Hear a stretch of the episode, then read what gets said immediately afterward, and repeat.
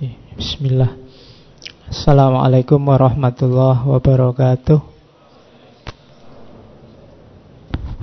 Bismillahirrahmanirrahim.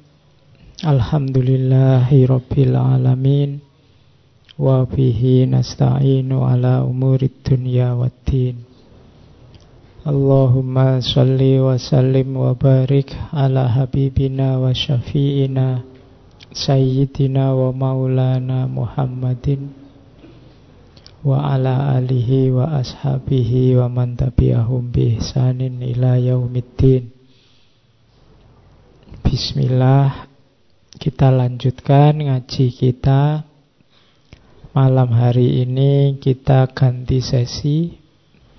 Di bulan Februari kita mengangkat tema pendidikan Dulu kita pernah angkat dari tokoh-tokoh barat Bulan ini kita angkat dari tokoh-tokoh nasional. Jadi kita juga tidak kurang jago Tidak kurang tokoh filsafat di Nusantara ini. Termasuk empat orang yang akan kita bahas bulan ini mereka ini punya macam-macam gagasan, cuma malam ini kita ambil bagian pendidikannya. Bulan ini kita ambil bagian pendidikannya. Kita bertemu yang pertama dengan ini kalau ada yang tanya kok Kiai Haji Ahmad Dahlan dulu, terus Kiai Hasim Ash'ari, Dewi Sartika, kemudian yang terakhir Ki Hajar Dewantoro kok ndak Ki Hajar dulu pertimbangannya umur ya. Jadi yang yang lahir duluan kita bahas dulu. Oke, maka kita bertemu hari ini yang lebih tua yaitu beliau Kiai Haji Ahmad Dahlan. Kalau pas sesi tokoh nasional ini saya lebih santai karena teman-teman mestinya lebih akrab. Jadi saya tidak harus detail menjelaskan tanggal lahirnya, riwayat hidupnya, macam-macam. Insya Allah sudah ngerti ya. Yang ngerti. Iya, yang ndak ya ndak. Padahal tentang tokoh-tokoh yang kita angkat bulan ini itu sebenarnya referensinya sangat banyak. Sampai difilmkan segala loh. Kalian kadang-kadang ya buku banyak sampai difilmkan tapi tidak ada satupun yang ditengok. Kadang-kadang kita punya mental block kalau bahasa psikologi itu. Kenapa kok tokoh ini tidak kita tengok padahal beliau tokoh besar, punya gagasan-gagasan besar, pengaruhnya juga besar. Kadang-kadang ada mental block, kita menganggap bahwa tokoh itu bukan kelompok kita. Bukan golongan kita. Itu sering terjadi. Sehingga Indonesia ini meskipun dianugerahi beli serliweran tokoh-tokoh luar biasa. Bolak-balik kita diziarahi oleh jiwa-jiwa yang besar. Kita baru sadar ketika mereka sudah berangkat dipanggil kembali oleh Allah. Kenapa? Karena kita ada mental block bahwa tokoh yang bukan kelompok kita, bukan golongan kita, pandangannya tidak sesuai dengan kita, itu ya dilewatkan saja tidak apa-apa. Nah itu kalau bisa mental semacam ini pelan-pelan kita kikis. Mulai filosof-filosof kemarin kan banyak itu kan kuut-kuut yang menyatakan kebenaran dari siapa pun harusnya tetap kita ambil. Kalau itu memang kebenaran. Jadi ngaji filsafat termasuk latihan ini ya, latihan untuk berpikiran terbuka mau menerima sumber dari mana saja. Kalau di dunia ilmiah ini salah satu perilaku ilmiah, tidak pilih-pilih sumber. Nah, nah, untungnya juga kalau tokohnya terkenal ini nanti kalau ada yang salah teman-teman boleh mengingatkan. Ya, lu saya yo iso salah wong saya tidak tahu kalau kamu menganggap saya bukan manusia lagi. Ya, ya tetap banyak salah. Kadang pingin ngomong apa, keluarnya apa, itu wajar. Kadang ya salah informasi, kadang salah referensi, salah ngomong itu biasa. Diingatkan saja. Kemarin ada yang mengingatkan saya, ternyata saya salah ngomong. Saya lupa di sesi apa ya. Kelihatannya sesi Imam Junaid. Saya salah ngomong, harusnya Nabi Ayub, keluarnya Nabi Yakub atau sebaliknya saya lupa. Pokoknya ya keliru ada yang mengingatkan, ya harus diterima wong memang keliru. Itu menunjukkan ya, saya masih manusia. Nah, jadi alhamdulillah kalau kamu ada orang tokoh siapa pun, ustadzmu atau idolamu siapa pun salah kok terus kamu marah-marah berarti kamu tidak nganggap dia manusia. Biasa orang salah itu. Diingatkan saja. Yang masalah itu kalau salah diingatkan tidak mau, ah, itu masalah. Jadi kalau manusia ya wajar. Kalau dia salah Ya monggo. Kalau ada yang salah saya diingatkan saja. Saya tidak tahu kamu komentar apa. Aku tidak pernah buka Youtube Tidak pernah Instagraman Tidak ada Twitter. Adanya satu-satunya Facebook Itu pun tidak pernah posting Paling kamu cuma nempel Terus neng wallku neng aku ya tidak komentar Jadi kalau ada channel apa pun, akun apa pun pakai nama saya, kemungkinan besar bukan saya, oh saya punyanya cuma Facebook itu. Tapi ya ndak apa-apa. Yang disebarkan kan baik-baik, yang manfaat-manfaat. Pakai nama saya ndak apa-apa. Atau kamu kamu ambil slide-slide ini untuk kamu ngajar lagi di mana kamu ganti namanya dengan namamu ndak apa-apa. Iya. Nanti daripada kamu merasa berdosa karena ngambil tanpa izin, pokoknya saya deklarasi tidak apa-apa. Kamu tidak usah takut, tidak usah minder, tidak usah merasa berdosa, wis tidak apa-apa. Ambil saja kalau menurutmu manfaat kamu. Wong saya juga ngambil dari referensi yang lain. Berarti hak ciptanya juga bukan saya.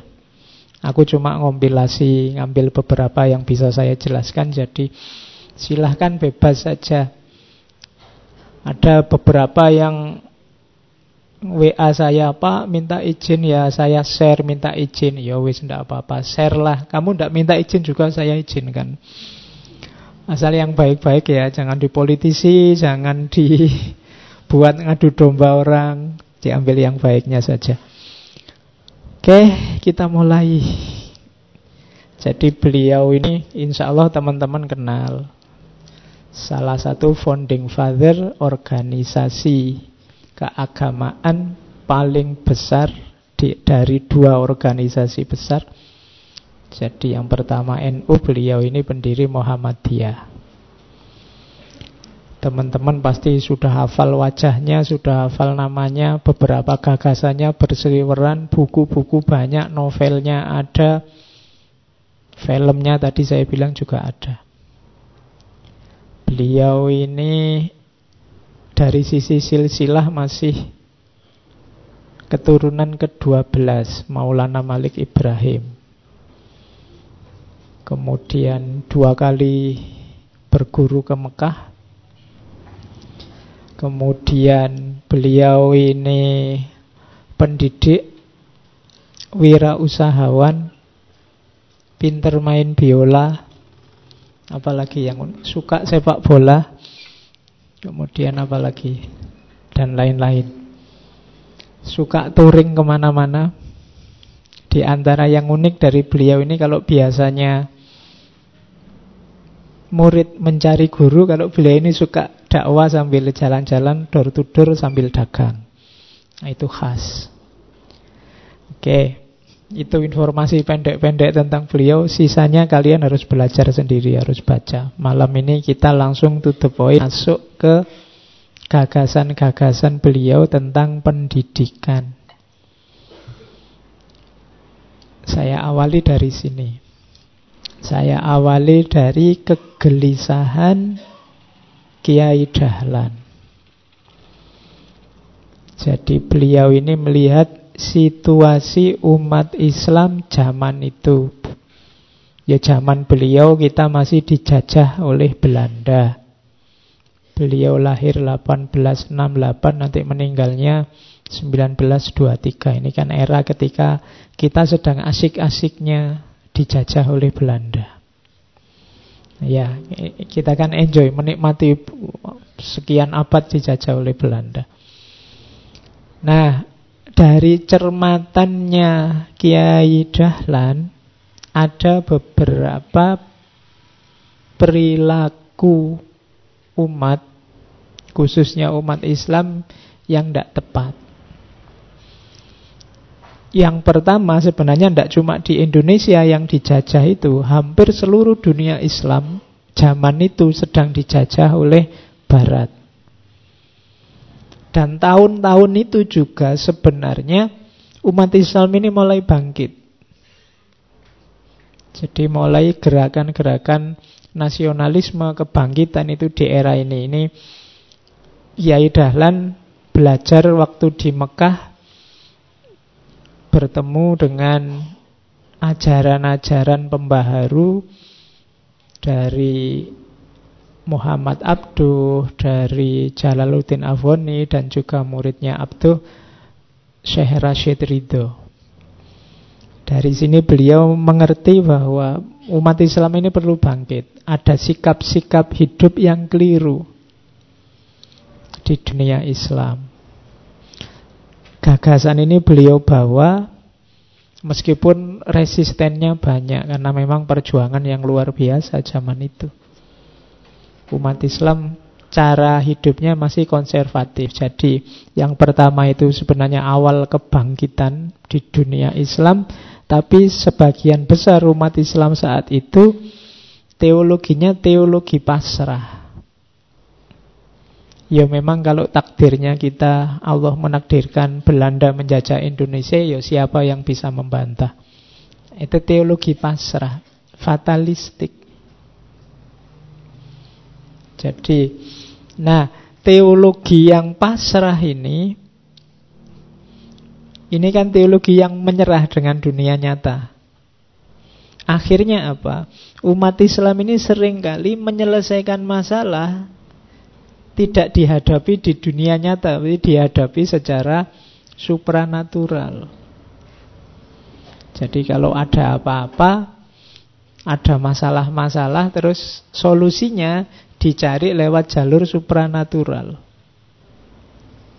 Itu nanti yang dikritik, yang terkenal sekali istilahnya tahayul, bid'ah, hurufat. Jadi dari sikap mental yang fatalistik ini kemudian kan terus karena dunia sudah tidak bisa dihadapi secara konkret larinya ke mistik atau supranatural. Nah, ini yang dikritik oleh Kiai Dahlan. Kalau sikap teologis dan sikap hidupnya begitu, kapan kita bisa bangkit? Kapan kita bisa maju? Saat itu Kiai Dahlan melihat bedanya orang-orang Belanda dengan orang-orang pribumi. Kalau orang Belanda sakit ya ke dokter diperiksa diobati.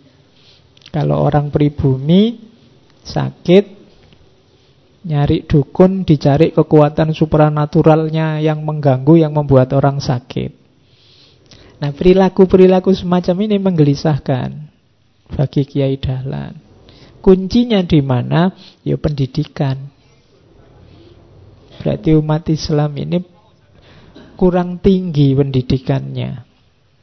Kenapa mereka kok bisa pasrah? Kenapa mereka larinya ke mistik supranatural?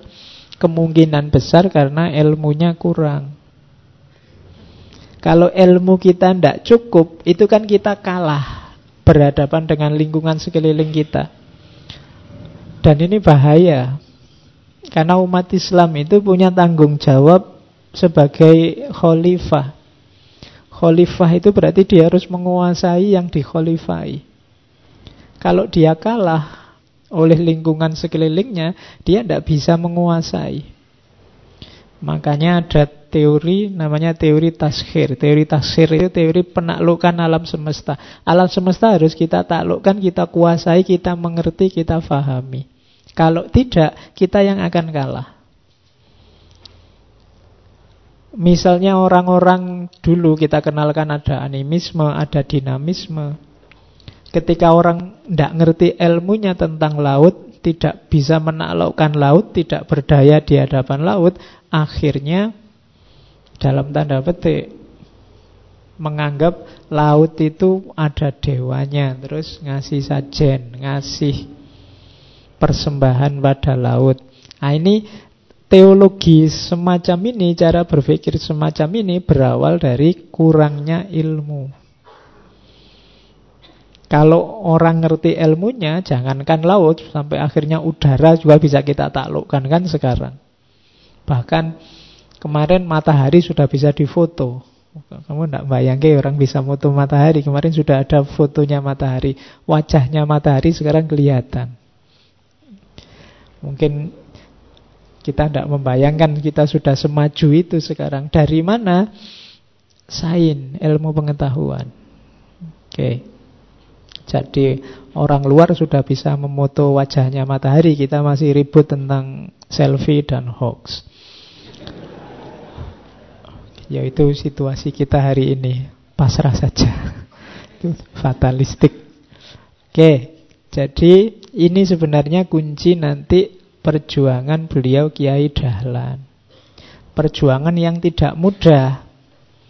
Kenapa? Karena dalam situasi semacam ini nanti juga ada orang-orang yang mendapat posisi enak, mendapat posisi nyaman. Kalau situasi berubah, kedudukan mereka yang nyaman ini bisa jadi terancam. Makanya ada cerita misalnya bagaimana suraunya Kiai Dahlan dirobohkan, bagaimana beliau ditentang oleh banyak orang ketika misalnya menunjukkan bahwa lo arah kiblat ini tidak cocok lo kalau pakai ilmu hisap dan seterusnya. Itu jadi resistennya banyak. Oke. Terus itu yang kotak yang paling bawah ada asumsi yang perlu dipahami secara cerdas. Jadi memang karena kita dijajah Belanda, banyak yang menentang penjajahan yang berjuang menaklukkan Belanda sampai ada rasa tidak suka luar biasa pada Belanda, menganggap semua yang ada hubungannya dengan penjajah itu pasti jelek. Kayak tadi, Kiai Dahlan mengingatkan, lo ada lo bagian-bagian tertentu yang bagus. Jadi kalau semua yang berbau Belanda kita tolak, nanti ada banyak hal yang penting, yang bagus, yang bisa kita tiru. Ya tidak semua. Kalau menjajahnya sih pasti jelek. Tapi dalam hal tertentu misalnya yang dilihat Yai Dalan saat itu misalnya pendidikan. Jadi model persekolahan yang kita sebut model klasikal menurut cermatannya Yai Dahlan lebih efektif untuk melahirkan ilmuwan dibandingkan model tradisional yang ada saat itu. Seperti yang dikenal antara lain di pesantren-pesantren. Jadi kalau semua yang berbau penjas berbau Belanda disebut kafir dan kita terima itu tanpa filter yang jelas, nanti banyak hal yang penting dan bagus terlewat. Termasuk sekolah itu tadi. Kalian semua kan sekarang sekolah loh. Itu kalau kamu konsisten bahwa barang siapa budayanya satu kaum maka mereka termasuk. Sekolah itu dari mereka. Jangan lupa istilah sekolah itu yang ngambilnya dari istilah skolastik. Skolastik ya tradisi Kristen yang nanti diadopsi model sekolahan itu. Tapi menurut cermatannya Kiai Dahlan ini efektif. Lebih cepat, lebih efektif untuk melahirkan orang pinter. Jadi paradigma pendidikan yang lebih serius dalam cermatannya Kiai Dahlan. Makanya beliau nanti buka sekolahan sendiri ceritanya di calon jati sebentar ya anunya. Ada di rumahnya beliau awalnya beliau buka untuk keluarganya kemudian tetangga-tetangganya. Kemudian dari sekolah itulah nanti lahir banyak tokoh. Kemudian melahirkan organisasi yang kita kenal namanya Muhammadiyah. Jadi ceritanya kenapa dari situ lahir organisasi. Jadi satu ketika ada seorang siswa yang tanya pada beliau, Kiai, apakah di sini tempatnya sekolah? Sekolah model apa sih ini Kiai? Katanya Kiai Dahlan, oh nak, ini namanya ibtidaiyah Islam. Untuk memberi pelajaran agama Islam dan pengetahuan umum bagi anak-anak kampung kauman. Siapa gurunya Kiai? Gurunya ya saya. Katanya siswa tadi, sekolah ini dipegang oleh Kiai sendiri. Sehingga jika Kiai meninggal dunia dan ahli warisnya tidak mampu meneruskan, maka sekolah ini akan berhenti. Saya usul hendaknya sekolah ini dipegang oleh satu organisasi sehingga dapat hidup selamanya. Nah, dari situ terus beliau tanya lagi, kira-kira organisasi seperti apa? Organisasi yang disusun sebagai badan yang sah sesuai izin pemerintah saat itu Hindia Belanda. Misalnya seperti Perkumpulan Budi Utomo yang sekarang berdiri di Jogja. Ada. Dari percakapan ini nanti muncul ide untuk mendirikan organisasi. Dibikin proposalnya minta izin ke pemerintah Hindia Belanda saat itu. Meskipun tidak turun-turun izinnya sekitar dua tahunan. Karena Belanda juga takut nanti ini pengaruhnya besar. Melihat bagaimana sosok Kiai Dahlan yang jadi beliau ini nanti dikenal juga di kalangan aktivis pergerakan termasuk Budi Utomo karena beliau juga ngajar di beberapa sekolah Belanda. Oke, jadi itu aspek sejarahnya. Kalau ada yang lihat sekolahnya zaman dulu semacam itu gambarnya. Ya. Masih belum ada wifi-nya zaman itu. Sekolah se manual. Oke, kita mulai ke gagasan-gagasannya, dasar-dasarnya. Jadi beliau Kiai Dahlan ini tidak pernah menulis buku khusus spesifik tentang gagasan-gagasannya meskipun beliau pernah juga jadi jurnalis di beberapa majalah. Pikiran-pikiran beliau dirangkum, dibukukan, diterbitkan oleh murid-muridnya. Yang paling terkenal yang hari ini bukunya masih bisa diakses itu kan muridnya yang namanya Kiai Hasyid yang bukunya judulnya tujuh falsafah ajaran dan 17 kelompok ayat. Ini materi-materi yang paling sering disampaikan oleh Yai Dahlan. Eh, sebelum ke pendidikannya kita lihat apa sih dasar ajaran-ajaran beliau. Yang pertama, ini boleh kita jadikan prinsip hidup kita karena bagus-bagus. Yang pertama, kita manusia ini hidup di dunia hanya sekali. Untuk bertaruh sesudah mati akan mendapat kebahagiaankah atau kesengsaraan. Dan ulama-ulama itu dalam kebingungan kecuali mereka yang beramal. Dan mereka yang beramal pun semuanya dalam kekhawatiran kecuali mereka yang ikhlas atau bersih. Jadi ini beliau menegaskan hidup ini sebenarnya pertaruhan kita. Pertaruhan apa? Pertaruhan nanti sesudah mati. Karena yang sejati itu sesudah mati. Yaitu apakah kita bahagia atau sengsara. Kuncinya apa? Ilmu. Tapi para ahli ilmu atau ulama akan ada dalam situasi kebingungan kalau ilmunya hanya berhenti di ilmu tidak melahirkan amal. Berarti ilmu ini tidak ada gunanya, tidak akan membantu kebahagiaan atau kesengsaraan kalau tidak melahirkan amal. Setinggi apa pun ilmumu, kalau tidak ada bukti konkretnya, tidak ada implementasi nyatanya, tidak ada gunanya. Tidak akan menolongmu nanti di akhirat. Tidak akan membawamu pada kebahagiaan. Jadi hidup ini pertaruhan besok kita bahagia atau sengsara, kuncinya ilmu. Tapi ilmu tidak ada gunanya kalau tidak ada amal, hanya membawa pada kebingungan. Kalau hanya sign for sign, ilmu untuk ilmu, biasanya yo hasil akhirnya cuma dari debat ke debat. Dari buku ke buku, nanti berakhir di perpustakaan. Tidak ada kualitas hidup yang meningkat. Cuma dari ilmu syaratnya amal hanya saja amal ini tidak ada artinya kalau tidak ada ikhlasnya. Jadi kuncinya amal itu ikhlas. Jadi amal ini ada artinya kalau ikhlas, tidak pamrih. Jadi hidup ini adalah ladang untuk menjamin apakah kita bahagia atau sengsara di akhirat Kuncinya ilmu.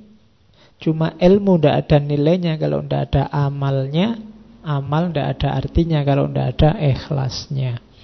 Itu ajaran pertama.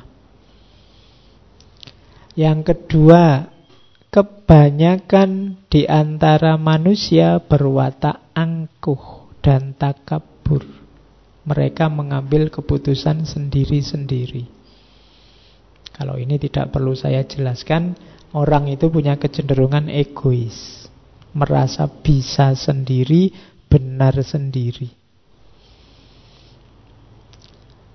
Kunci banyak masalah Kenapa kok lahir banyak konflik itu di nomor dua ini. Banyak orang yang merasa akulah yang paling benar Akulah yang paling sesuai, yang paling paham, yang paling pinter Takabur Dan ketakaburan ini adalah jalan diusirnya iblis dari surga. Diingatkan oleh Kiai Dahlan di prinsip falsafah ajaran yang kedua. Jadi yang pertama perhatikan tujuan hidup kita Yang kedua jangan sombong, jangan egois Yang ketiga Manusia itu kalau mengerjakan apa pun sekali, dua kali, berulang-ulang, maka akan jadi biasa. Kalau sudah menjadi kesenangan yang dicintai, maka kebiasaan yang dicintai itu sukar dirubah. Sudah menjadi tabiat bahwa kebanyakan manusia membela adat kebiasaan yang telah diterima. Baik itu dari sudut keyakinan atau iktikot perasaan, kehendak maupun amal perbuatan. Kalau ada yang akan merubah, mereka akan sanggup membela dengan mengorbankan jiwa raga. Demikian itu karena anggapannya bahwa apa yang dimiliki benar. Jadi ini pelajaran juga yang pertama ingatlah manusia itu biasanya suka cinta dengan yang sudah biasa mereka lakukan yang biasanya mereka anggap kebenaran, yang biasanya mereka geluti setiap hari. Ini sebenarnya jebakan. Karena kadang-kadang yang kita biasakan tiap hari itu sesuatu yang tidak pasti benar. Tapi kita terlanjur suka, terlanjur melekat di situ. Kenapa? Karena sudah kita ulang-ulang. Akhirnya apa? Kalau ada orang menemukan sisi kebenaran yang lain mengkritik kita, terus kita resisten, kita tiba-tiba ndak ah, yang benar ya sudah ini. Sejak nenek moyang kita dulu yang dilakukan juga ini. Bahkan kita sanggup mengorbankan jiwa raga untuk yang kita anggap benar sebelumnya ini. Padahal yang kita anggap benar sebelumnya bisa jadi ada kelemahan-kelemahannya. Jadi di falsafah yang ketiga ini Kiai Dalan mengingatkan yang biasa kita lakukan, yang selama ini kita anggap kebenaran, mungkin kita sangat suka, kita sangat mantap, kita cinta dengan kebiasaan-kebiasaan itu, tapi tetap kita harus mau membuka diri, siapa tahu ada yang lebih baik, ada yang lebih benar. Karena manusia itu kan dituntun oleh kecenderungan jiwanya. Dan kecenderungan jiwa ini dibentuk oleh apa yang dia biasakan. Maka kita harus tetap kritis terhadap diri kita sendiri. Itu falsafah yang ketiga. Jadi jangan sombong, perhatikan tujuan hidupmu dan perhatikan kebiasaanmu. Terus yang keempat kalau ini surat Al-Furqan. Adakah engkau menyangka atah sabu anna aksarohum yakilun au yasmaun. Ini sebenarnya ayat sebelumnya ngomong tentang Aro'aita manita ilahahu hawa Apakah tidakkah engkau melihat orang-orang yang menjadikan hawa nafsunya sebagai Tuhannya jadi itu Al-Furqan ayat 43. Jadi tidakkah engkau melihat kita itu sering-sering yang kita pertuhankan adalah hawa nafsu kita, keinginan kita. Jadi secara tidak sadar dalam hidup kita itu sebenarnya hasrat kita yang kita pertuhankan. Tapi ini nggak kelihatan karena dibungkus macam-macam. Makanya terus di ayat selanjutnya, apakah engkau menyangka amtah sabu ana aksarohum yasmaun au yakilun. Apakah kau anggap orang-orang yang mempertuhankan hawa nafsu ini orang-orang yang mau belajar, mau berpikir atau mau mendengar? Tidak. Jadi inhum illa kal an'am balhum adollu sabila. Orang-orang ini sebenarnya seperti binatang bahkan lebih sesat jalannya daripada binatang. Kalau binatang mengikuti nafsunya, keinginannya wajar wong binatang tidak ada akalnya, tidak ada budinya. Tapi kalau nafsu manusia kok mengikuti nafsunya, hasrat keinginannya saja, dia lebih rendah dari binatang. Kenapa? Sama-sama mengikuti hasrat nafsunya, manusia ini punya perangkat untuk tidak begitu. Kalau dia seperti itu berarti dia adullu sabila. Ini katanya Al-Quran loh ya. Jadi kalau ada orang kok ngugu karpe dewe apa? Mempertuhankan keinginannya sendiri, hawa nafsunya sendiri, dia sebenarnya lebih sesat daripada binatang.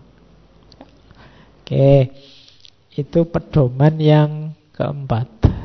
Jangan mempertuhankan hasrat nafsumu sendiri. Yang kelima, manusia tidak menuruti, tidak mempedulikan sesuatu yang sudah terang bagi dirinya.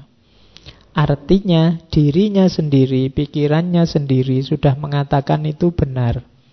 Tetapi ia tidak mau menuruti kebenaran itu karena takut kepada kesukaran, takut berat, dan macam-macam yang dikhawatirkan.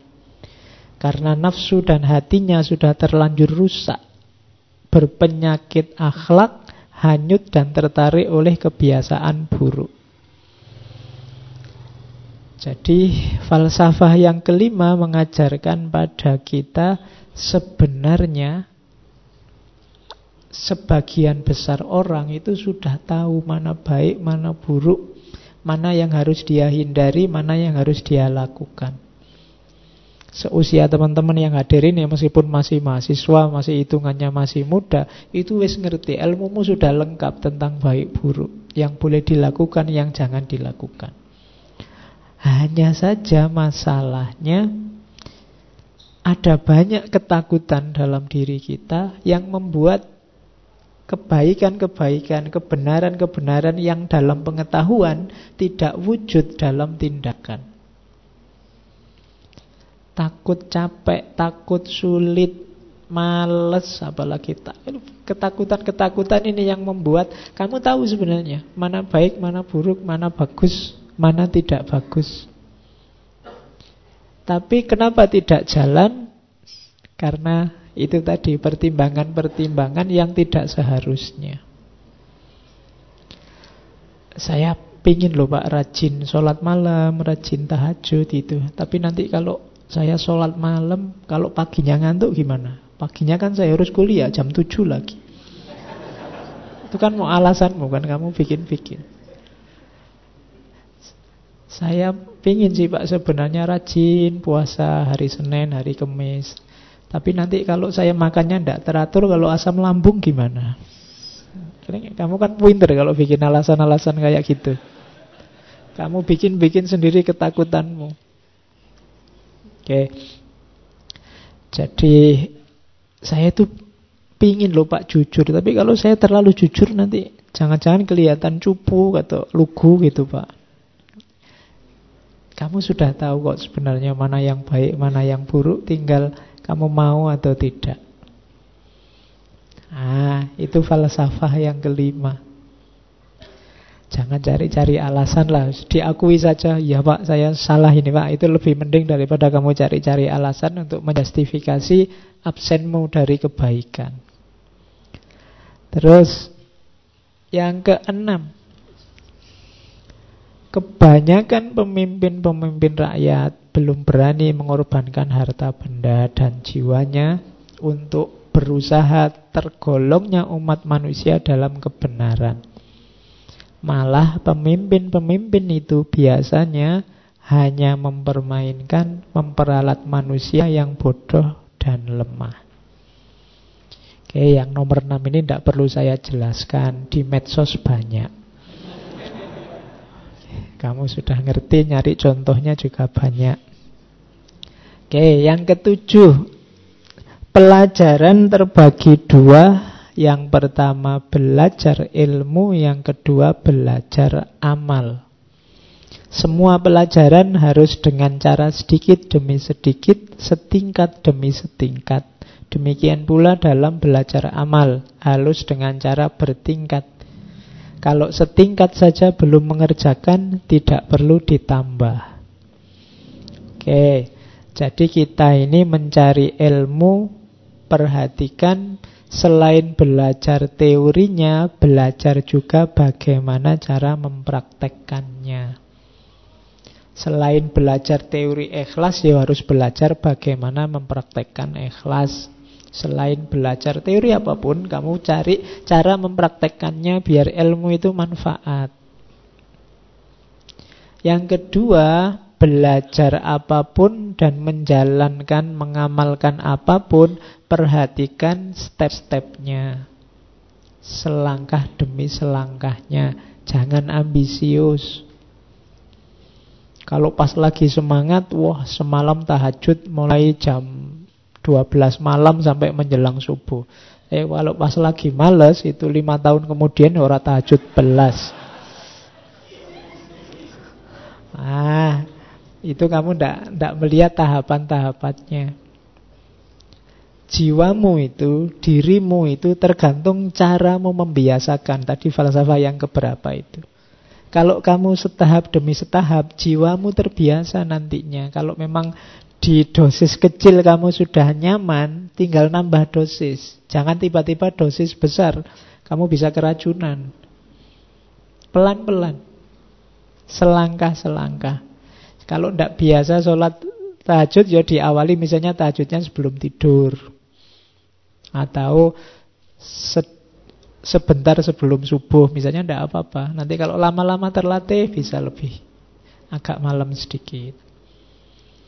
Jadi dilatih. Kalau jiwamu terlatih nanti kamu sampai pada level kalau tidak tahajud tidak enak. Atau kalau tahajud sedikit tidak enak. Nah, kenapa? Karena jiwamu sudah terbiasa. Kalau tidak biasa puasa Misalnya di sebulan itu yang sunnah-sunnah ada Senin Kemis, ada Ayamul Bid, ada macam-macam. Ambil satu dua untuk dibiasakan. Pak saya kalau Senin Kemis mungkin tidak kuat. Senin dok ya Pak wis rapopo. Senin kan hari lahirnya Nabi. Puasa. Mungkin dapat kira-kira 3-4 bulan karena sudah biasa nambah kemis. Nanti kamu akan sampai pada titik kalau tidak puasa kamu tidak enak. Tapi kalau nggak dimulai-mulai, ya enak aja tidak puasa. Ya, ya. Jadi dimulai setahap demi setahap. Jadi ini dalam pendidikan ya begitu, jangan overdosis. Mentang-mentang sedang senang dengan filsafat terus borong buku filsafat dibaca semua, Wah, akhirnya malah muntah terus akhirnya sebel sama filsafat. Ya, Oke, ya pelan-pelan, selangkah demi selangkah. Oke, jadi ini dasar dari falsafah pendidikannya. Kiai Dahlan. Sebenarnya masih ada ini, cuma ini tidak akan saya jelaskan satu-satu. Bagi yang tertarik silahkan dicari. Itu ada 17 kelompok ayat. Ini ayat-ayat favoritnya Kiai Dahlan. Kalian sebenarnya boleh kok untuk lebih akrab dengan Al-Quran, cari ayat-ayat favorit atau surat-surat favorit. Ada satu masa dalam hidup saya, beberapa surat saya favoritkan sekali. Jadi pokoknya senang kalau ada ayat itu dibaca bolak-balik. Tidak apa-apa, untuk lebih mengakrabkanmu dengan Al-Quran. Cari ayat favorit, surat favorit, kamu ulang-ulang, kamu akrabi, kamu baca. Mungkin karena maknanya atau tidak tahu apa tapi seneng aja kalau ngaji surat ini. Silahkan aja. Oke, itu salah satu hidayah dari Allah agar kamu akrab dan cinta sama Al-Quran. Kamu kejar sendiri mana di antara ayat-ayat itu yang menarikmu atau surat-surat pendek yang mana. Ya mungkin kamu memfavoritkan Al-Ikhlas karena tiap kali sholat baca itu ya tidak apa-apa lah isone kuwi ya. Tapi lu cintailah yang memang kamu favoritkan. Oke, ini saya loncati kapan-kapan kita bahas detail. Kita mulai dengan dasar-dasar untuk menuju falsafah pendidikannya. Kalau ini tentang agama, kita langsung aja. Nah, kuncinya mengatur jiwa. Jadi Kiai Dahlan itu tadi sejak awal kelihatan bahwa ilmu saja tidak ada gunanya, harus ada amalnya. Ini kalimat ini saya ambil dari beliau untuk menguji kita sebenarnya. Kalau Kiai Dahlan menguji komitmen agama kita bukan dengan teriak-teriak membela agama. Makanya kata beliau, jangan kamu berteriak-teriak sanggup membela agama meskipun harus menyumbangkan jiwamu sekalipun. Jiwamu tidak usah engkau tawarkan. Kalau Allah menghendakinya, entah dengan jalan sakit atau tidak, tentu akan mati sendiri. Tetapi beranikah kamu menawarkan harta bendamu untuk kepentingan agama? Itulah yang lebih diperlukan pada waktu saat ini. Zaman itu jadi Kiai Dahlan menyindir, sudahlah tidak usah teriak-teriak, jiwa raga aku berikan untuk agama. Sudahlah kalau waktunya mati, mati sendiri. Itu kan kalimat itu waktunya itu. Sekarang hartamu saja. Seberapa banyak kamu siap berkorban untuk agama, wes. Biasanya kan kalau sudah teriak-teriak gitu, ayo ada sumbangan berani berapa, sudah kelewes-kelewes nggak mau minggir. Jadi justru untuk menguji komitmenmu pada agama Berapa banyak kamu mau keluar harta untuk bantu larang sekelilingmu yang tidak mampu itu loh. Justru ukurannya di situ. Kalau berkorban jiwa gampang. Kalau pada saatnya kamu mati-mati sendiri tenang aja. Kalau sudah sampai waktunya Tidak perlu dideklarasikan. Tapi justru dengan pengorbanan harta ini sebenarnya kelihatan sejauh mana kamu berani berkorban untuk agama. Zaman Nabi para sahabat kan kalau begitu Nabi ini kita mau perang butuh biaya besar itu sahabat kan berlomba-lomba banyak-banyakan sodako. Ada yang separuh hartanya, ada yang semua hartanya. Nah sekarang ini ujian buat kita juga. Jadi Kiai Dahlan nyindir, ayo wes kalau memang siap membela agama, Berani tidak semua hartamu atau sebagian hartamu disumbangkan untuk kepentingan agama? Justru ukurannya di situ. Itulah yang diperlukan sekarang. Wong kita tidak sedang perang, karena tidak sedang perang ya tidak butuh korban jiwa, kita cuma butuh korban harta. Kalau ini saja tidak ya berarti perlu dipertanyakan komitmennya. Ah, ini sindiran dari Kiai Dahlan. Oke. Kemudian juga perhatikan kalimatnya Kiai Dahlan termasuk dalam pendidikan kamu tidak mau menjalankan tugas amal itu karena kamu tidak biasa, bukan? Kenapa kok kita tadi sodakoh berat? Mungkin karena kita memang tidak biasa. Oke, kalau memang tidak biasa, beruntunglah. Mari saya ajarkan soalnya itu. Jadi kalau sudah dapat dan mengerti, kamu harus menjalankan. Dan soalnya kalau kamu tidak mau, asal tidak mau saja, siapa yang dapat mengatasi orang yang sengaja sudah tidak mau? Jadi maksudnya Kiai Dahlan, kalau masalahnya kamu belum ngerti, saya ajari. Kalau masalahnya kamu belum terbiasa, ayo kita biasakan. Tapi sebenarnya masalahnya tidak di situ. Sebagian besar masalah kita adalah kita tidak mau. Kita sudah tahu banyak sekali kebaikan, keutamaan, fadilah, macam-macam. Kenapa tidak jalan? Bukan karena kita tidak ngerti ilmunya. Bukan karena kita belum terbiasa. Kalau tidak ngerti ilmunya, belajar. Kalau belum terbiasa, ayo dibiasakan. Problem besarnya adalah kita tidak mau. Gitu loh. Wong sudah ngerti. Modalnya juga sudah ada. Cuma kita tidak mau. Kalau sudah tidak mau Ya siapa yang bisa mengatasi? Sudah. Disuruh ini mau Disuruh itu mau Ya wis. Gimana lagi wong sudah mau Untuk mengatasi moh itu kan harus dipaksa Tapi masuk agama harus paksaan. Jadi Kalau problemnya tidak mau Ya agak berat Karena siapa yang bisa mengatasi Orang yang sengaja tidak mau Nah, problem besar kita sebenarnya di sini orang-orang yang dengan sengaja tidak mau.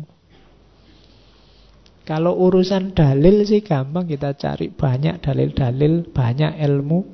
Kalau urusan apa tidak terbiasa, belum pengalaman, ya ayo pelan-pelan setahap demi setahap tadi.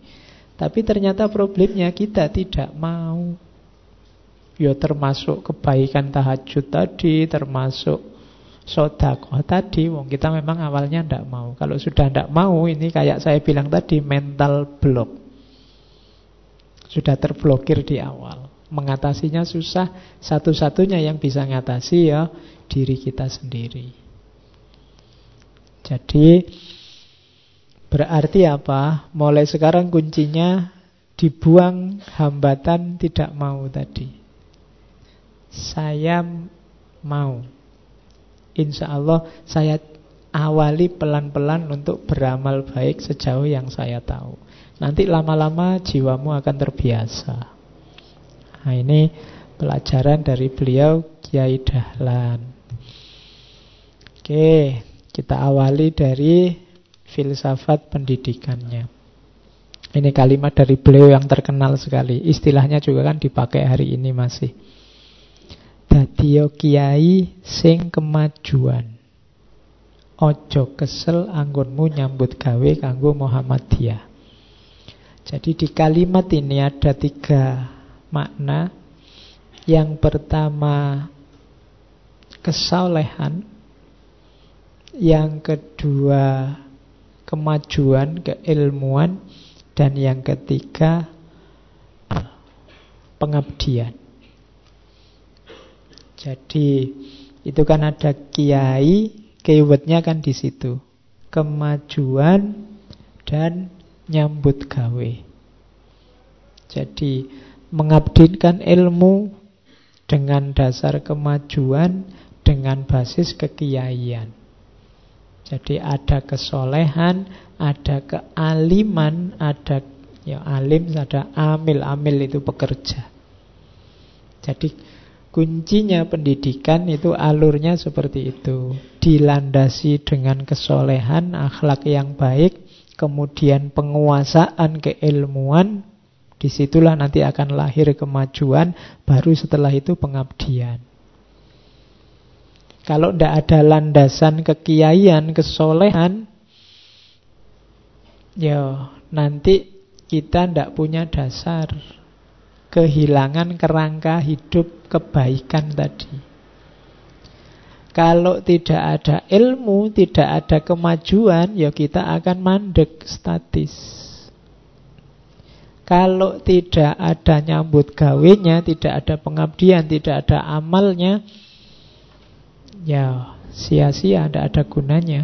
Berhentinya cuma di ceramah-ceramah, di perpustakaan, di buku-buku.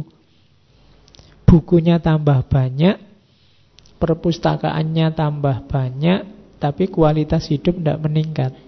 Kenapa? Karena ilmunya tidak diterjemahkan dalam amal.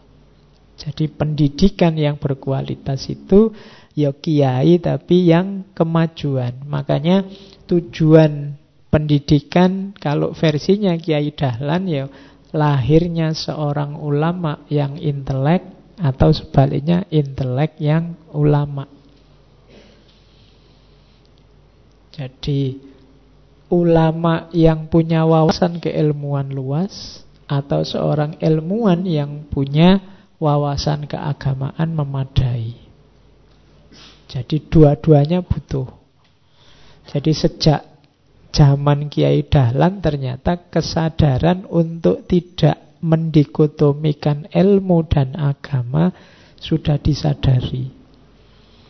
Jadi kalian tidak perlu capek-capek pinjem gagasan-gagasannya orang luar untuk mencari gimana sih relasi ilmu dan agama.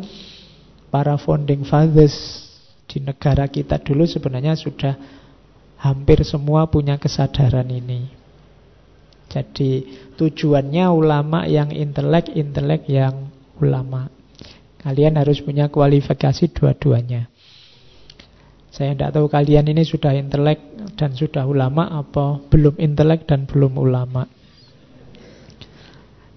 Ulama itu berarti yang punya kualifikasi keilmuan berarti profesional. Jadi intelek itu keluasan wawasanmu. Terus karena itu Kiai Dahlan kemudian dalam mengembangkan pendidikan beliau memadukan antara sistem sekolah seperti yang beliau pelajari dari sekolah-sekolah tempat beliau ngajar, sekolahnya Belanda dan juga sistem pesantren. Jadi antara sekolah dan pesantren jadi modelnya bagaimana ketika beliau mengajar di sekolahnya Belanda nambah pelajaran agama. Kemudian di sekolah-sekolah yang beliau dirikan ya wawasan agama ya, wawasan pengetahuan umum juga iya. Ya bentuknya mirip madrasah yang kita lihat hari ini. Jadi ya umum, ya agama. Kalau sebelumnya yang sekolahnya Belanda ini kan isinya umum. Sementara yang pesantren-pesantren murni agama. Dalam cermatannya Kiai Dahlan ini dua-duanya penting. Hari ini kita butuh wawasan-wawasan keilmuan umum. Tapi agama juga jangan ditinggal karena dasar hidup paling fundamental agama. Maka jalannya berarti apa? Ya digabung dua-duanya. Tidak boleh orang sama sekali tidak mengerti ilmu agama atau sama sekali anti pengetahuan umum. Kalau kita tidak menguasai yang umum-umum, kita akan dijajah di situ. Jadi kalau kita tidak menguasai ilmunya seperti saya bilang tadi, kita akan dijajah oleh yang menguasai ilmunya. Kalau kita ketinggalan agama, ya kita kehilangan hal yang fundamental. Kita kehilangan identitas paling asasi dalam kehidupan beragama kita. Maka dua-duanya harus ada. Itulah maka cita-citanya Kiai Dahlan itu pendidikan yang integral, pendidikan yang yang antara umum dan agama nyambung. Oke, Gimana dengan pendidikan untuk perempuan? Yaitu ada cerita yang terkenal sekali Bagaimana dialognya Kiai Dahlan dengan seorang santri putri anak-anak muda perempuan Muhammadiyah. Jadi cara beliau memprovokasi teman-teman perempuan muda ini biar mau sekolah yang tinggi. Kalau ini hubungannya dengan jadi dokter, apakah kamu tidak malu, katanya Kiai Dahlan, kalau auratmu dilihat laki-laki. Nah, anak-anak perempuan ya mesti aja malu. Kalau engkau malu, mengapa jika engkau sakit lalu pergi ke dokter laki-laki? Apalagi ketika hendak melahirkan anak. Bahaya itu. Kalau dokter laki-laki melihat kamu kan malu. Nah, jika engkau benar-benar malu, hendaknya engkau terus belajar dan belajar dan jadilah dokter sehingga ada dokter perempuan untuk kaum perempuan. Nah, ini kan retorika retorika yang bagus untuk mendorong teman-teman perempuan sekolahlah yang tinggi. Biar tidak tergantung sama laki-laki. Kalau ini kan hubungannya sama dokter ya. Sebenarnya di semua bidang jangan tergantung, mandirilah. Karena tergantung itu ya tidak sehat secara tauhid. Satu-satunya yang boleh kita tergantung kan hanya Allah. Jadi perempuan juga jangan tergantung sama laki-laki, laki-laki juga jangan tergantung sama perempuan. Masing-masing harus mandiri satu-satunya tempat bergantung Allahus Somad hanya Allah. Katanya kan tadi sudah apal surat Al-Ikhlas. Kenapa kok tidak jalan? Malah dimarahi sama Kiai Dahlan nanti. Katanya apal, tapi nggak dijalankan. Menjalankan surat Al-Ikhlas itu ya hidup itu hanya innalillahi wa inna ilaihi rojiun. Kita tidak tergantung pada apa pun, pada siapa pun, hanya Allah dan menuju Allah. Termasuk yang dilakukan oleh Kiai Dahlan ini untuk biar teman-teman yang perempuan karena dalam situasi zaman itu perempuan kan rasanya tergantung sekali sama yang laki-laki. Maka harus mulai diawali dari pendidikannya. Terus Nah, ini yang menarik. Kiai Dahlan termasuk tokoh yang menganjurkan pendaya gunaan akal. Termasuk beliau menganjurkan ya para intelektual muslim harus belajar ilmu mantek logika. Jadi kenapa ya kita memahami alam semesta ini kalau logikanya tidak jalan nanti ya jangan-jangan belajar fisika matematika cuma diamalkan. Gunanya logika apa ya? Mengelola teori-teori bagaimana menerapkannya, bagaimana memahaminya secara pas kemudian diterapkan dalam kehidupan sehari-hari. Di antara kelemahan umat Islam katanya Kiai Dahlan adalah jarang mendaya gunakan akal. Padahal akal itu sumbernya ilmu. Tidak ada gunanya mendorong orang belajar menguasai ilmu, tapi akalnya tidak dipakai. Jadi kuncinya manusia justru ada pada akal budinya.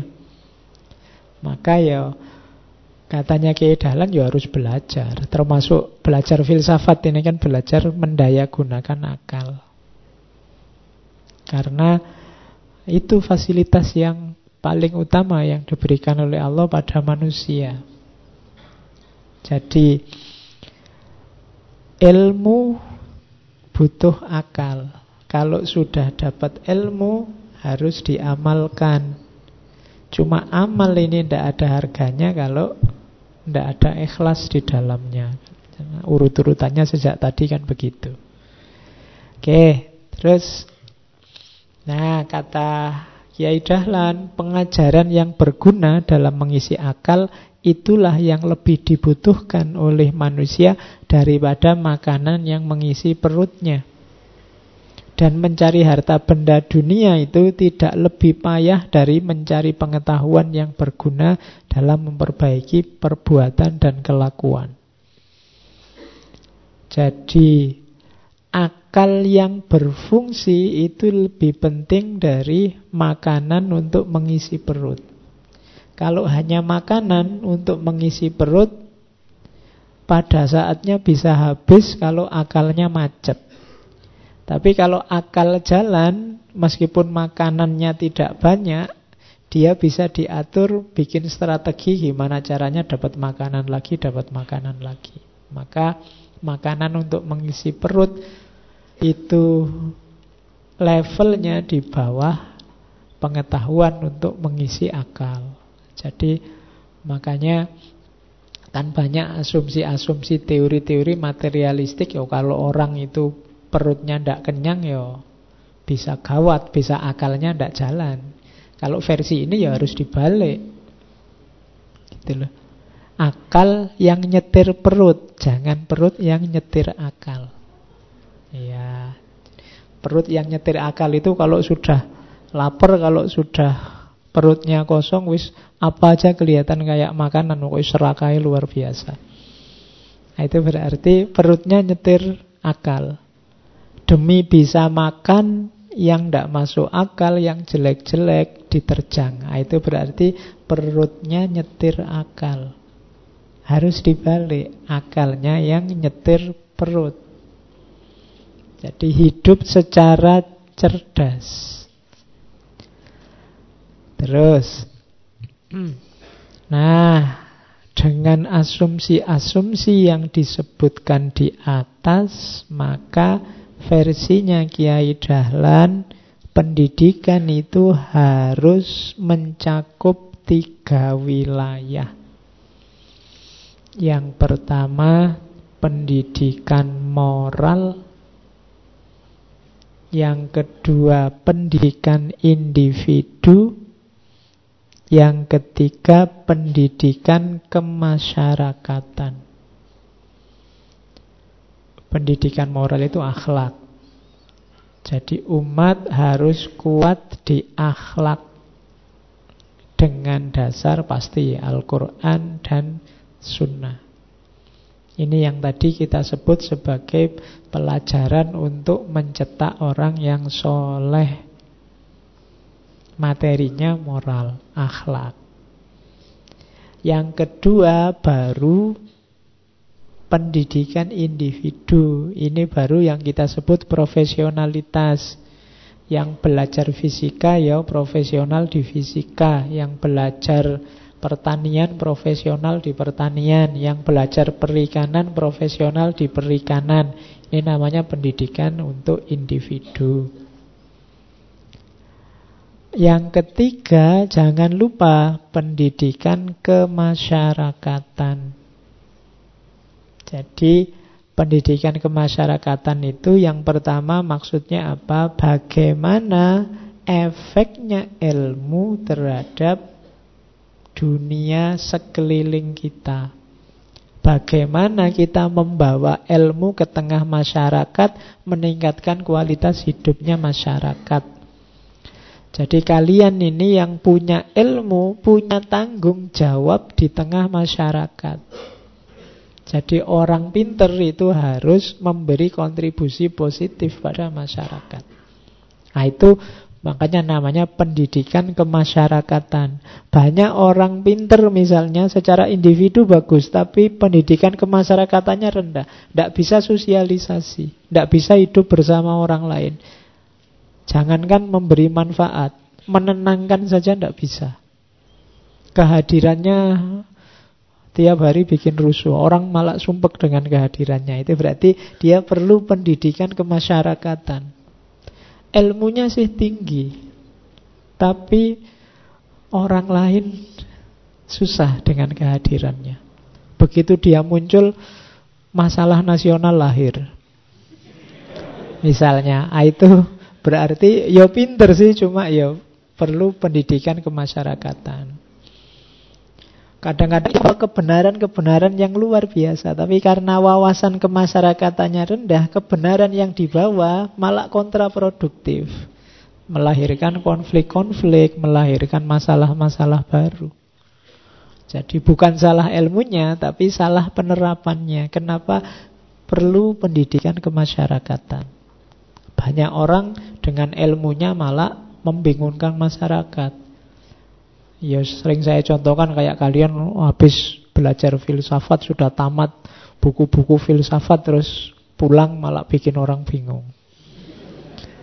Disuruh khotbah Jumat nanti temanya penindasan kaum borjuis pada proletar. Iya. Ya puyeng jamaah Jumatnya wong tema santai-santai aja ngantuk kamu pakai tema borjuis dan proletar. Nah, itu kamu butuh pemahaman tentang masyarakatmu, sejauh mana levelnya mereka, kemampuan berpikir mereka, dan di situ kamu masuk. Jadi pendidikan itu materinya ya moral membentuk akhlakmu, kemudian individual membangun profesionalitasmu, kemudian kemasyarakatan dalam rangka pengabdianmu. Jadi itulah sebenarnya yang harus kita kuasai hari ini. Meskipun ini diteorikan zaman dulu oleh Kiai Dahlan Sampai hari ini masih relevan Karena situasi kita mungkin tidak berubah-berubah Sejak awal abad 19 Sekarang sudah abad 21 tengah-tengah Oke Terus Nah sekarang caranya Kalau ilmu pendidikan kan ada metode belajarnya yang menonjol dari strategi metode pendidikan dari Kiai Dahlan yang pertama beliau kalau ngajar selalu kontekstual. Ini diceritakan oleh sahabatnya murid beliau Kiai Haji Mas Mansur. Kata Kiai Mansur, Kiai Dahlan itu gemar sekali mengupas tafsir dan pandai pula tentang itu. Kalau menafsirkan sebuah ayat, beliau selidiki lebih dahulu tiap-tiap perkataan dalam ayat itu satu demi satu. Beliau lihat kekuatan atau perasaan yang terkandung oleh perkataan itu di dalam ayat-ayat yang lain. Barulah beliau sesuaikan dengan keadaan. Hingga keterangan beliau itu hebat dan dalam serta tepat. Jadi di antara strateginya Kiai Dahlan kalau ngajar selain dia mendalam dia juga kontekstual. Kontekstual itu setelah menjelaskan detail ilmunya kemudian dijelaskan juga relevansinya dengan kehidupan hari ini. Jadi hubungannya apa dengan situasi hari ini itu namanya kontekstual. Misalnya ada cerita yang paling terkenal itu kan tentang surat Al-Ma'un. Nah, itu kan tentang pendusta agama yang tidak menyantuni fakir miskin, menghardi anak yatim, macam-macam. Nah, ini kan terus dicari konteksnya hari ini yang mana. Wal asri kan tadi di antara 17 kelompok ayat kan ada surat Al Asr itu tentang demi waktu celakalah orang-orang kenapa pakai istilah waktu bagaimana konteks hari ini sehubungan dengan waktu dan seterusnya. Jadi ini namanya pendidikan kontekstual. Ya termasuk kalian yang sedang belajar filsafat akan lebih mudah kalau teori-teori filsafat itu kadang-kadang kan kalian mau coba buku filsafat itu puyeng. Vertigomu kumat kalau ketemu filsafat. Nah itu cara agak mudah apa? Cari relevansinya dengan kehidupan. Kira-kira kalau hal semacam ini dalam kehidupan kita sekarang itu yang dibidik hidup kita bagian yang mana? Ketika Nietzsche bilang bahwa mental kita itu mental budak, misalnya, kira-kira dalam kehidupan kita sehari contohnya orang yang mentalnya budak itu seperti apa? Itu kalian akan lebih mudah memahami. Itu cara belajar kontekstual namanya. Dan itu dulu dipraktekkan antara lain oleh Kiai Dahlan. Begitu beliau mengupas satu ayat dengan tafsirnya terus ditunjukkan ayat ini kalau dalam situasi hari ini relevan dengan fenomena A, B, C.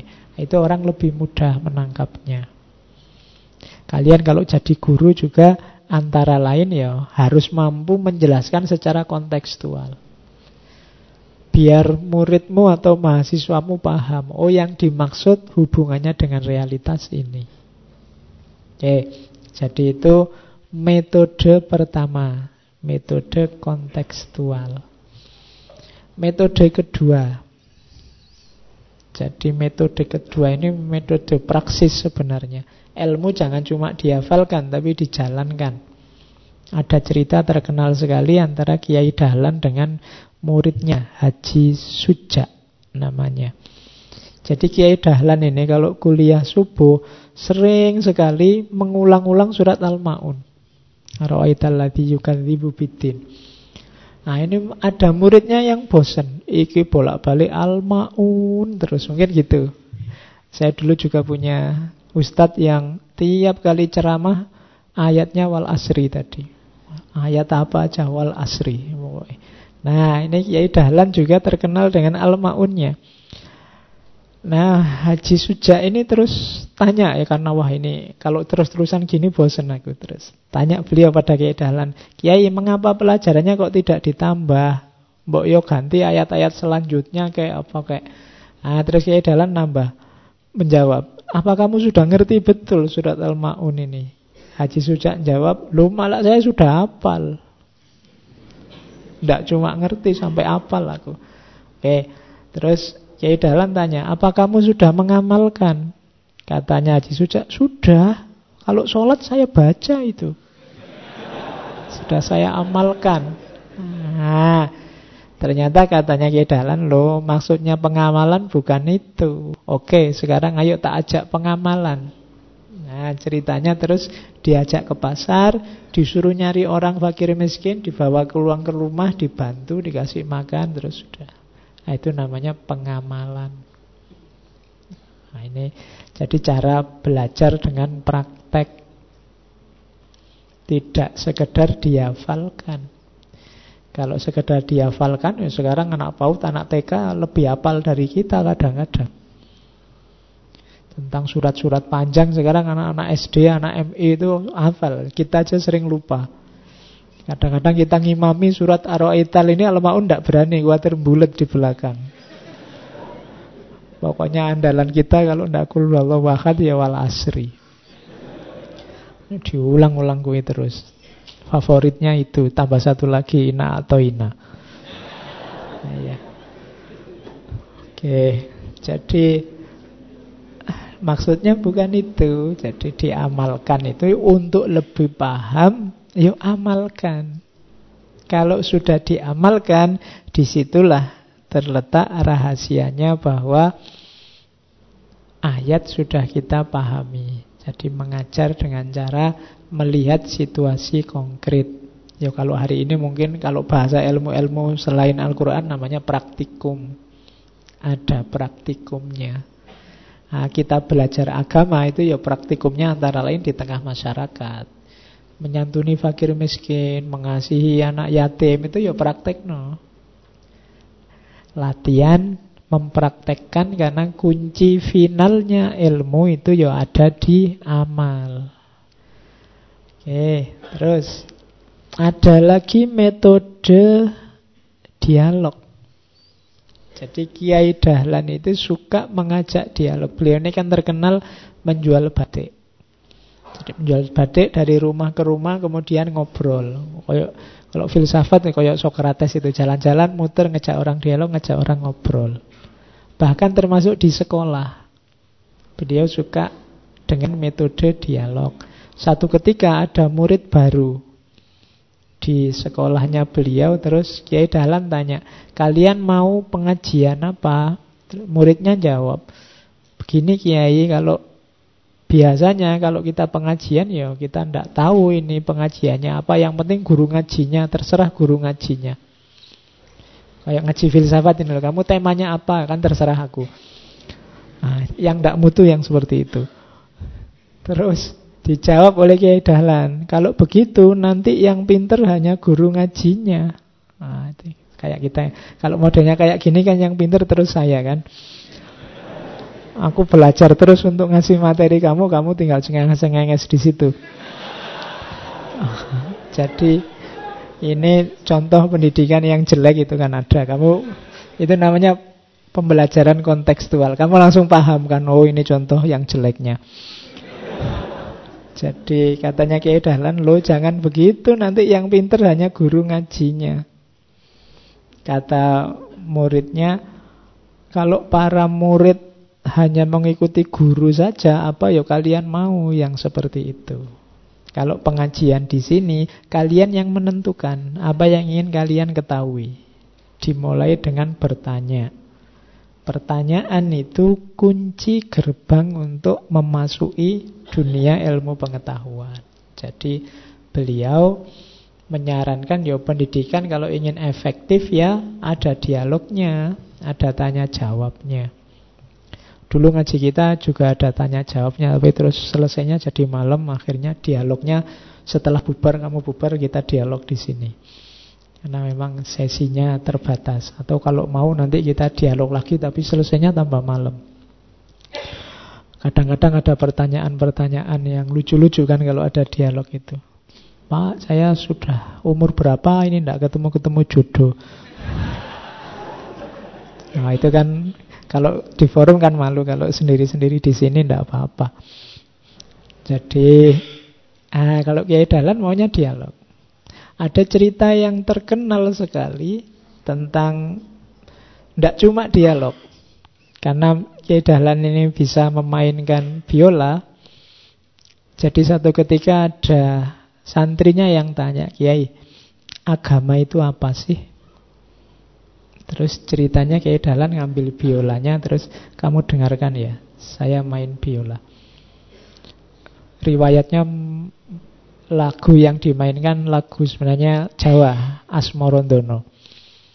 Jadi dimainkan pakai biola, muridnya mendengarkan karena indah, bagus. Setelah itu ditanya oleh Kiai Dahlan, gimana komentarmu tentang musik tadi? Indah sekali Kiai, tenang, tentram, rasanya damai. Ah, agama itu seperti itu. Sekarang gantian, kamu yang main biola muridnya terus wah ndak enak kayak coba saya ndak bisa kayak coba aja main aja ndak apa-apa main ya karena ndak bisa suaranya ndak karu-karuan rusak.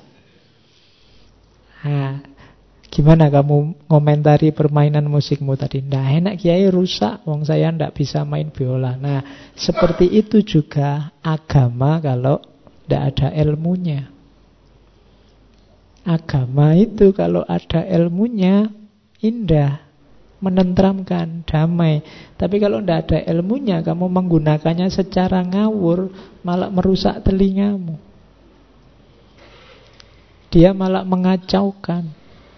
Kenapa? Kamu kurang ilmu. Jadi kamu gunakan tidak sesuai porsi proporsinya, tidak pas mengacaukan harmoni. Karena kamu tidak pegang ilmunya. Oh, penjelasan model gini kan muridnya langsung paham.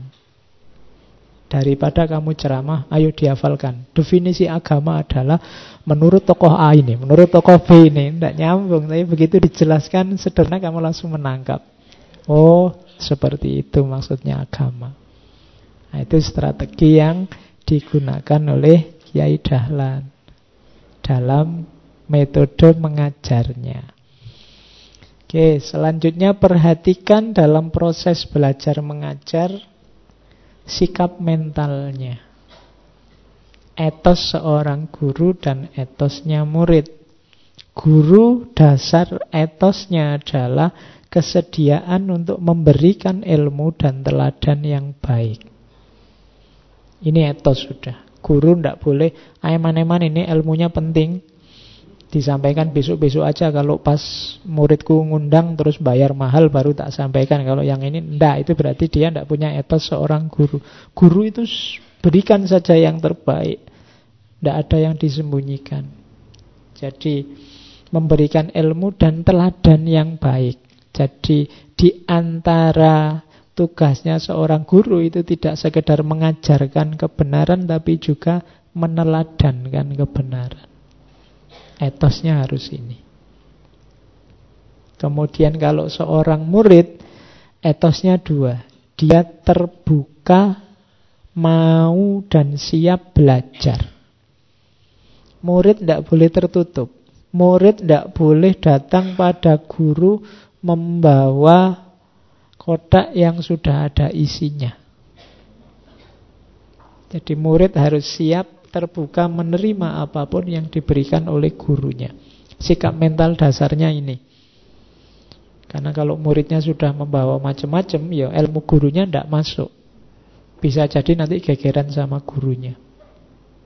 Jadi kalau sudah memposisikan diri jadi murid, dia harus terbuka dan siap diberi. Kalau memposisikan jadi guru, dia harus siap memberi dan meneladankan. Jadi, kalau tidak siap memberi, masih eman-eman, Pak, saya ilmunya mahal ini. Kalau buat ngajar gratisan kayak gini ya mending, ya, itu berarti kamu tidak bakat jadi guru. Jadi kamu harus siap dengan etos guru kalau memang jadi guru dan kalau jadi murid siap dengan etos murid. Jangan ada murid yang pingin ngetes guru nih. Guruku pinter tenan ora. Coba tanah. Ya. Jadi harus siap menerima kalau kamu posisinya sebagai seorang murid. Jadi itulah yang diajarkan oleh Kiai Dahlan. Oke. Kalau ini kalimat terkenal sekali ditulis di papan tulis di kamarnya Kiai Dahlan, tapi dalam bahasa Arab. Tapi ini bahasa Indonesia ya, kalau dalam bahasa Arab nanti kamu vertigomu kumat lagi. Ya, jadi ditaruh di kamar biar beliau bisa anytime membaca. Jadi kalimatnya agak keras karena kepada dirinya sendiri. Wahai Dahlan, Sungguh di depanmu pasti kau lihat perkara yang lebih besar, yang menakutkan. Mungkin engkau selamat atau sebaliknya akan tewas.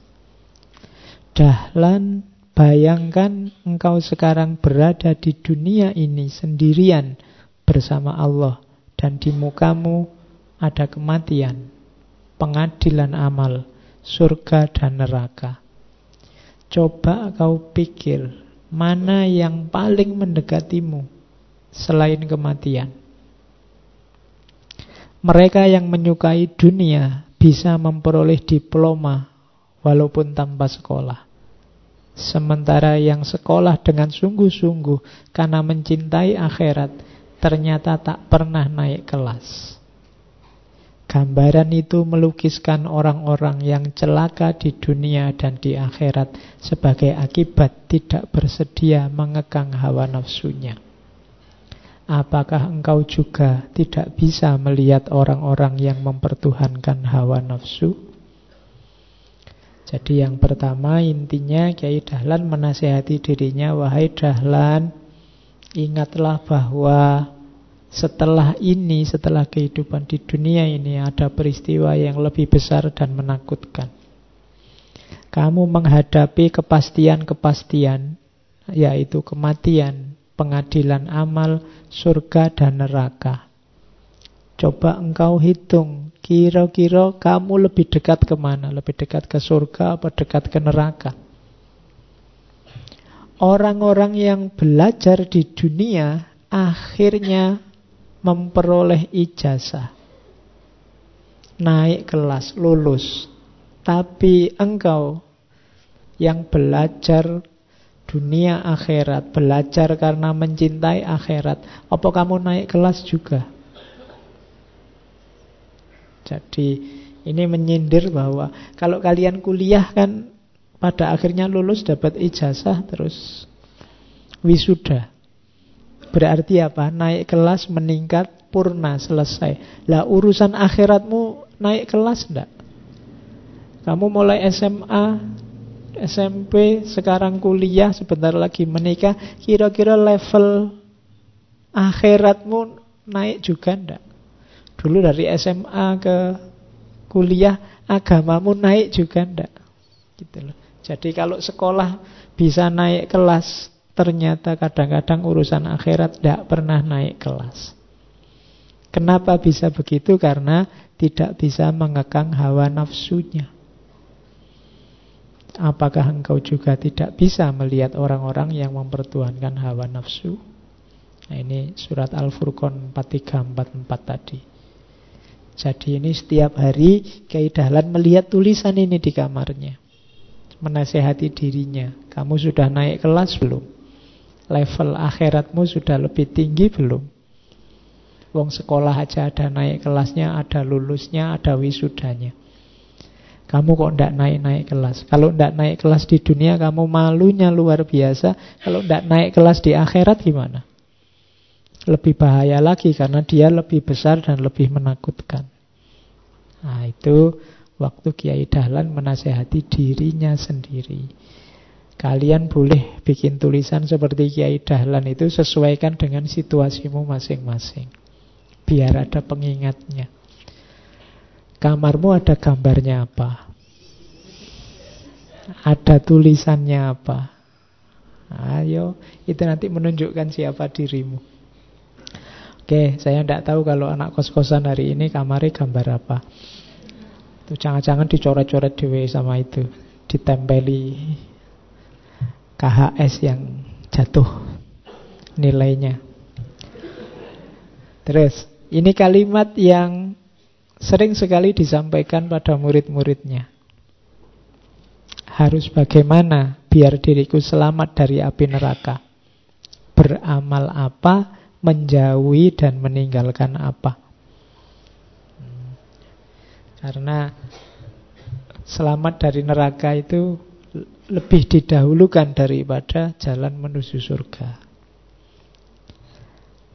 Terus, nah ini beberapa quotes terakhir dari Kiai Dahlan.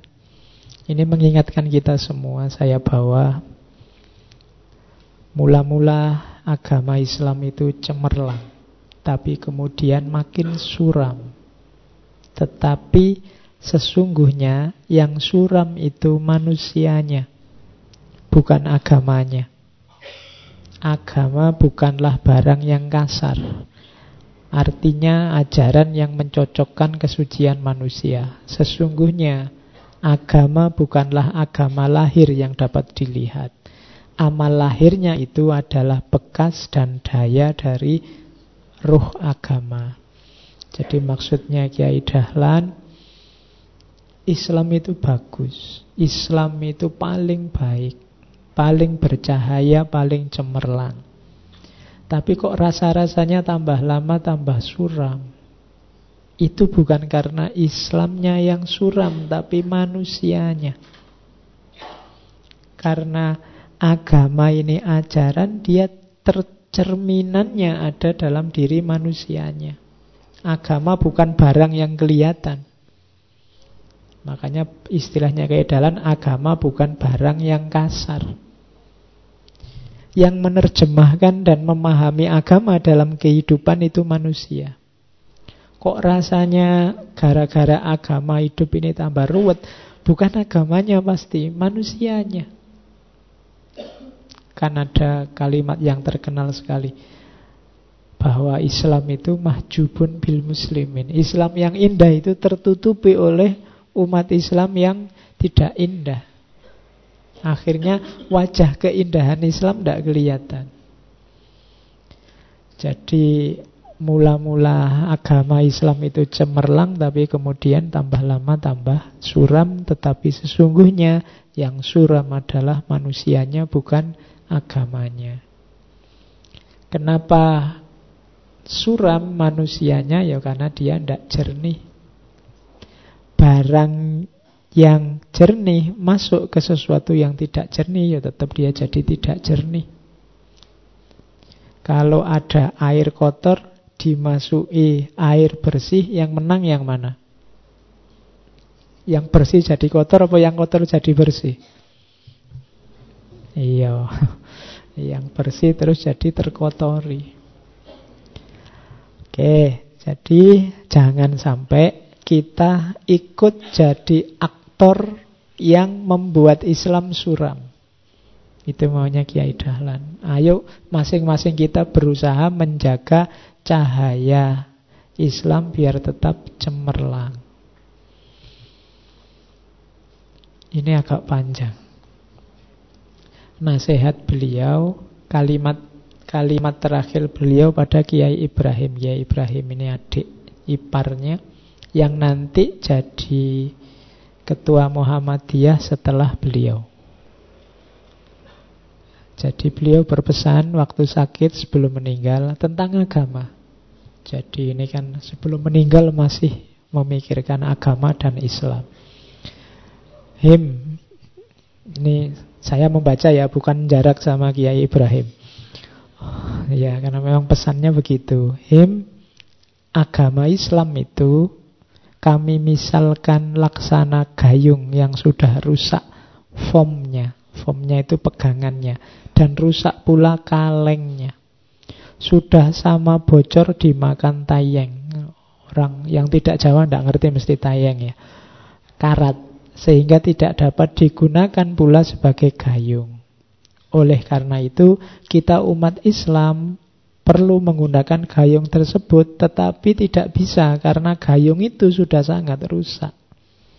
Sedangkan kami tidak memiliki alat untuk memperbaikinya. Tetapi tetangga dan kawan-kawan di sekitarku banyak yang memegang dan mempunyai alat itu. Tetapi mereka tidak banyak yang memegang dan mempunyai alat itu. Tetapi mereka tidak tahu bahwa alat yang dipegangnya dapat digunakan untuk memperbaiki gayung yang kita butuhkan. Maka perlulah kamu berani meminjam untuk memperbaikinya. Siapakah tetangga dan kawan-kawan yang ada di sekitarmu itu? Ialah mereka kaum cerdik pandai dan mereka orang-orang terpelajar yang mereka itu tidak tahu memahami agama Islam. Padahal mereka itu pada dasarnya merasa dan mengakui bahwa pribadinya muslim juga. Karena banyak mereka memegang ketur mereka yang memegang itu keturunan kaum muslim, malah ada yang keturunan penghulu-penghulu dan kiai-kiai terkemuka. Tetapi karena mereka melihat keadaan umat Islam pada umumnya, keadaan krisis dalam segala-galanya, mereka tidak ingin menjadi umat yang bobrok.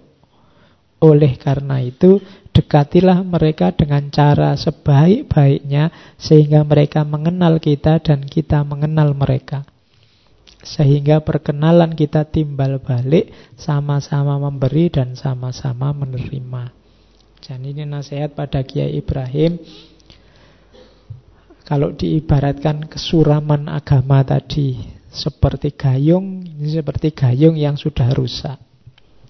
Alat memperbaikinya kita tidak punya. Yang punya tetangga-tetangga teman-teman kita. Cuma tetangga dan teman-teman ini tidak tahu kalau mereka punya alat untuk memperbaiki. Siapa tetangga dan teman ini?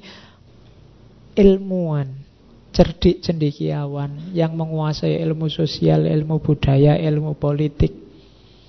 Kuncinya di ilmu, karena kuncinya di ilmu ada di mereka yang kita tidak punya. Maka akal akrabilah mereka, sadarkan mereka. Mereka ini kebanyakan sebenarnya teman-teman kita, orang-orang kita, dia juga muslim, keturunan nenek moyang muslim, ada yang keturunan penghulu, ada keturunan kiai. Cuma karena keadaan umat yang suram, mereka tidak mau ikut-ikutan jadi suram, akhirnya mereka menjauh dari agama.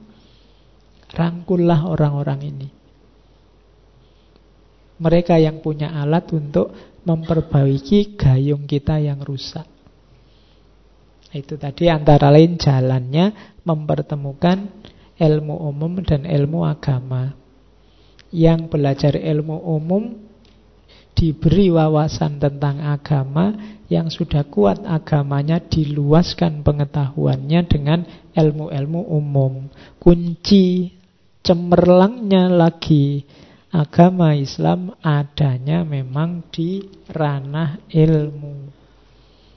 Nah, itulah pesan waktu beliau sedang sakit sebelum meninggal. Jadi beliau masih memesan agar umat Islam yang intelektual, umat Islam yang pinter, yang pandai harus kita rangkul untuk bekerja sama bersama-sama menjayakan lagi, mencemerlangkan lagi Islam. Oke. Ada quote-quote terakhir. Ini silahkan dipahami sendiri kalau ini mudah dipahami. Apa yang bisa membuat orang Islam yang baik juga bisa membuatnya jadi warga negara yang baik.